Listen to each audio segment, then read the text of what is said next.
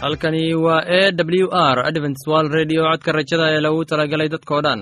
Anigoo ah cabdi waxaan idin leeyahay dhegeysi wanaagsan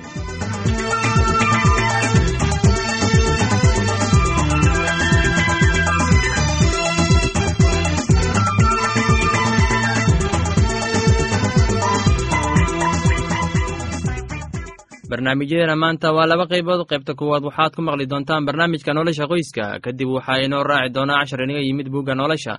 Dhegeystayaasheenna qiimaha iyo qadarinta mudano waxaan filayaa inaad si habboon u dhegeysan doontaan. Haddaba haddii aad qabto wax su'aal ama talo iyo tusaale oo ku saabsan barnaamijyadeena maanta fadlan inala soo xiriir. Dib ayaynu kaga sheegi doonaa ciwaanka yagu balse intaynan u guda gelin barnaamijyadeena xiisaa leh. Waxaad marka hore ku soo dhowaataan. Heestan daabacsan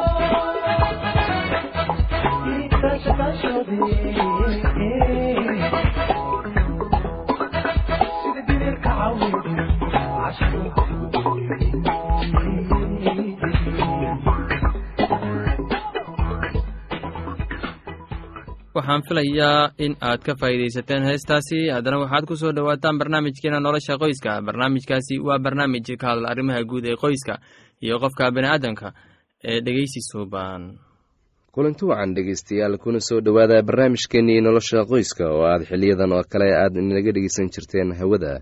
Weli waxaynu ku sii jirnaa mowduucii aynu kaga hadlaynay nadaafadda guriga. Anigoo ah cabdi waxaan idin leeyahay dhegeysi wacan haddaba waxaa jirtay haweeney shamse la yidhaahdo oo mar walba ahayd mid caraysan oo si joogto ah reerka ugu qaylin jirtay. Gurigu wuxuu ahaa mid isku dhex yaacsan oo jaakadda ama dharka iyo joornaalada ay kuraasta saaran yihiin buwaagta iyo waxyaabaha kalena kulli ay miiska wada saaran yihiin.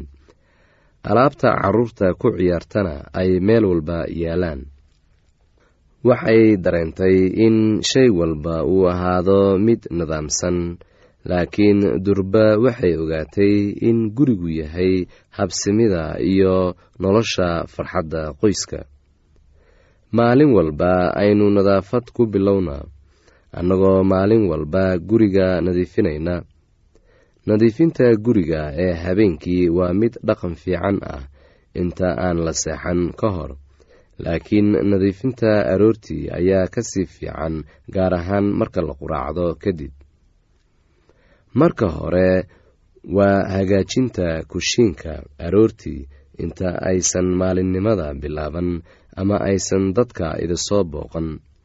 Waxaa loo baahan yahay mar walba mar kastoo hurdada laga soo tooso in marka hore la hagaajiyo sariiraha oo la goglo kadib waxaa loo baahan yahay in qololka jiifka la soo nadiifiyo. Kadib waxaa lagu xujin karaa kushiinka oo la nadiifin karaa. Mar walba marka aad dhaqdo weelasha waxaa loo baahan yahay in aad maro istaraasho ah ku qalajiso. Waayo weelasha biyaha leh ma aha mid u wanaagsan nadaafadda. Waxaa loo baahan yahay weel walba markaad dhaqdo in uu ahaado mid qalalan. Miiska waxaa loo baahan yahay in la tirtiro. Weelasha oo dhanna la wada dhaqo cuntada soo hartayna waxaa loo baahan yahay in lagu daro meelaha wasaqda loogu talagalay. Subax walba marka aad bilowdo nadaafadda daaqadda dhowr daqiiqadood fur oo hawada ha soo gasho waxaana loo baahan yahay in guriga dhammaan daaqadihiisa la wada ballaqo si qoraxda iyo hawada ay guriga u soo galaan. Haddaba gurigu wuxuu leeyahay sida caadada ah addoore u gooni ah ama shiir u gooni ah. Kaasna waxaa ka baabi'in karaa marka albaabada la furo. Matalan raashinka lagu kariyo kushiinka ayaa waxay gurigoo dhan ku yeelan kartaa saameyn taana waxaa looga bixi karaa in guriga daaqadaha loo furo. Sidoo kale waxaa loo baahan yahay in guriga laga buufiyo xasharaadka baranbarada iyo duqsigaba. Haddaba waxaad u dhaqaaqdaa qolalka kale ee ay ka mid yihiin sida fadhiga ama qolalka wax lagu akhristo. Had iyo goor waxaa loo baahan yahay alaabada in meel walba meel walba oo laga keenay alaabtaasi in lagu celiyo. Haddii ay tahay buwaag la akhrisanayey waa in lagu celiyaa shalafkii laga soo qaaday. Haddii ay tahay waxyaabo kale sida rediyo oo kale waxaa loo baahan yahay in meeshiisii lagu celiyo. Haddaba haddii shay walba lagu celiyo meeshii laga soo qaaday gurigu wuxuu noqonayaa mid nidaamsan oo habboon waxyaabaha ugu daran waxaa ka mid ah marka hawsha guriga ay isbiirsato.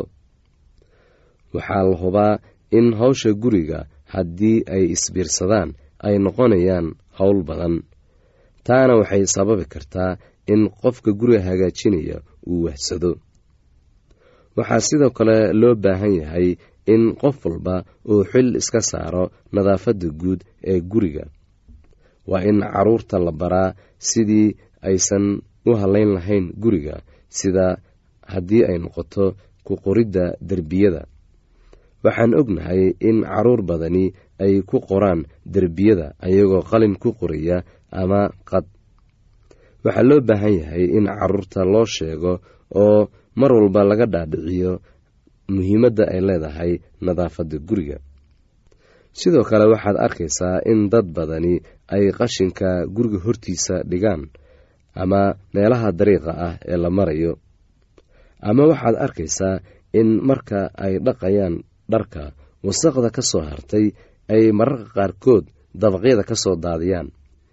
Waxaana taa dhici kartaa in dad kale oo dariiqa maraya in biyihii wasaqda ah ay gaaraan. Haddaba waxaa loo baahan yahay in qof walba oo reerka ka tirsan la baro nadaafadda guud ee guriga iyo xaqdhowrista deriska. Waa in laga shaqeeyaa dhiraynta guriga sida ubaxa oo kale oo lagu talaalo guriga hortiisa iyo dhirta oo la waraabiyo. Dhegeystayaal waxaan ognahay in guriga nadaafaddiisu uu wanaagsan yahay ay dadka dhan ay aada ugu farxayaan waana waxa qofka lagu qiimeeyo dadnimadiisa waayo qofka gurigiisa ka adkaan waayo runtii wax kale oo uu ka adkaan karo ama uu qaban karo haba yaraatee ma ay jirto. Waayo qofka gurigiisa haddii uusan ku dadaalin haba yaraatee wax kale uu qaban karo ma jirto. Meel walba oo mas'uul looga dhigana sidaas ayuu u hallaynayaa. Haddaba waxaa loo baahan yahay in carruurta marka ay yar yihiin lagu barbaariyo nadaafadda guriga waxaan filayaa inaad ka faa'iidaysateen barnaamijkaasi. Haddaba haddii aad qabto wax su'aal ama tala iyo tusaale fadlan inala soo xiriir. Ciwaanka yagu waa codka rajada sanduuqa boosada afar laba laba todoba lix nairobi kenya. Mar labaad ciwaanka yagu waa codka rajada sanduuqa boosada afar laba laba todoba lix nairobi kenya. Imeilka yagu waa somali at a w r o r g. Mar labaad imeilka yagu waa somali at a w r o r g. Ama barta internetka ciwaanka yagu oo ah w w w dot codka rajada o r g mar labaad ciwaanka yagu waa w w w dot codka rajada o r g ama waxaad inagala soo xiriiri kartaan barta emesonka ciwaanka yagu oo ah codka rajada at hotmail dot com. Haddana kabawasho wacani heestani soo socota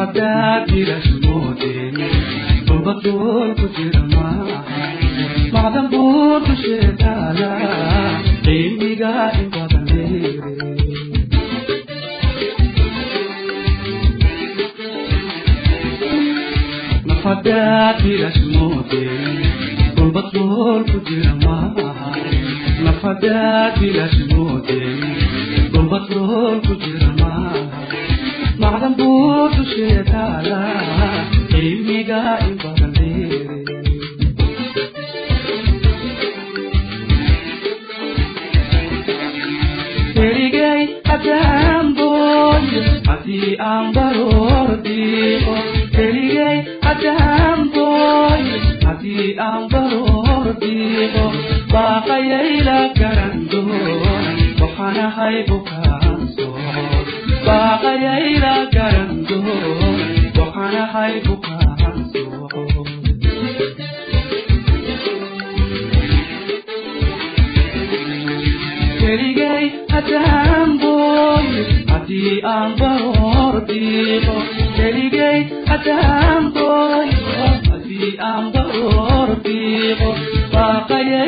كرنزور وحنا حيبك baaqayayla garan doona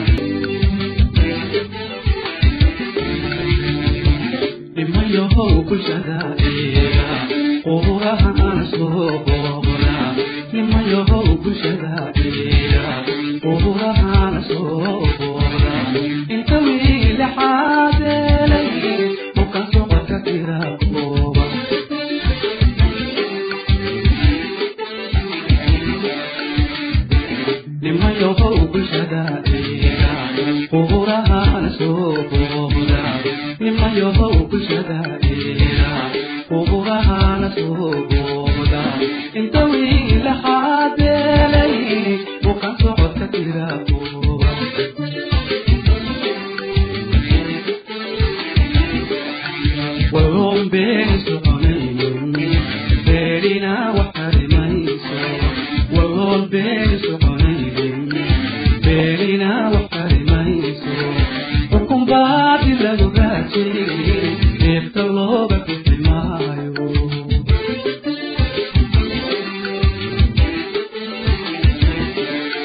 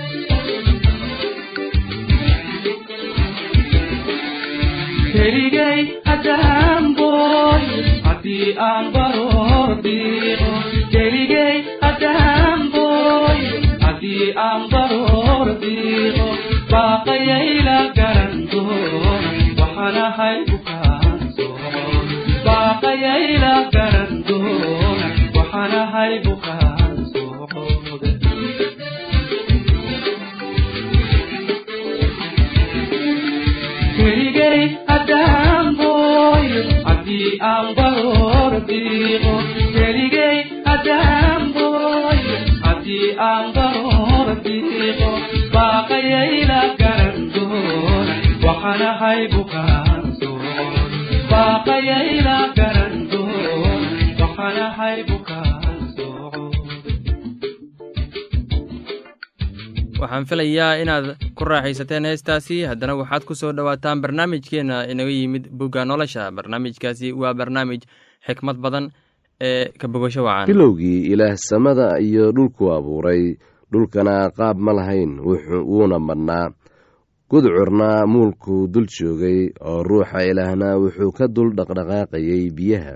Ilaahna wuxuu yidhi iftiin ha ahaado iftiin baana ahaaday. Ilaahna wuxuu arkay iftiinkii inuu wanaagsan yahay. Ilaahna iftiinkii ayuu ka soocay gudcurkii. Ilaahna iftiinkii wuxuu u bixiyey maalin gudcurkiina wuxuu u bixiyey habeen waxaana jiray fiid iyo subax isla maalin ah. Ilaahna wuxuu yidhi meel bannaani ha noqoto biyaha dhexdooda oo iyadu biyaha ha ka soocdo biyaha. Markaasuu ilaah sameeyey meeshii bannaanka ahayd oo wuxuu biyihii bannaanka ka hooseeyey ka soocay kuwii bannaanka ka sarreeyey. Sidaasayna ahaatay ilaahna bannaankii wuxuu u bixiyey samo waxaana jiray fiid iyo subax maalintii labaad. Ilaahna wuxuu yidhi biyaha samada ka hooseeya meel ha isugu soo urureen oo ciidda engegani ha muuqato sidaasayna ahaatay. Markaasuu ilaah ciidda engegnayd u bixiyey dhul ururkii biyahana wuxuu u bixiyey bado oo ilaah wuxuu arkay intaasu wanaagsan tahay. Ilaahna wuxuu yidhi dhulka ha soo bixiyo doog iyo geedo yaryar oo iniino dhala iyo geedo waaweyn oo midho caynkooda ah dhala oo inanahoodana ku dhex jiraan oo dhulka ku kor yaal sidaasayna ahaatay. Dhulkiina wuxuu soo bixiyey doog iyo geedo yaryar oo leh iniino caynkooda ah iyo geedo waaweyn oo midho dhala oo inanahooda ku dhex jiraan iyagoo caynkooda ah. Ilaahna wuxuu arkay intaasu wanaagsan tahay waxaana jiray fiid iyo subax maalintii saddexaad.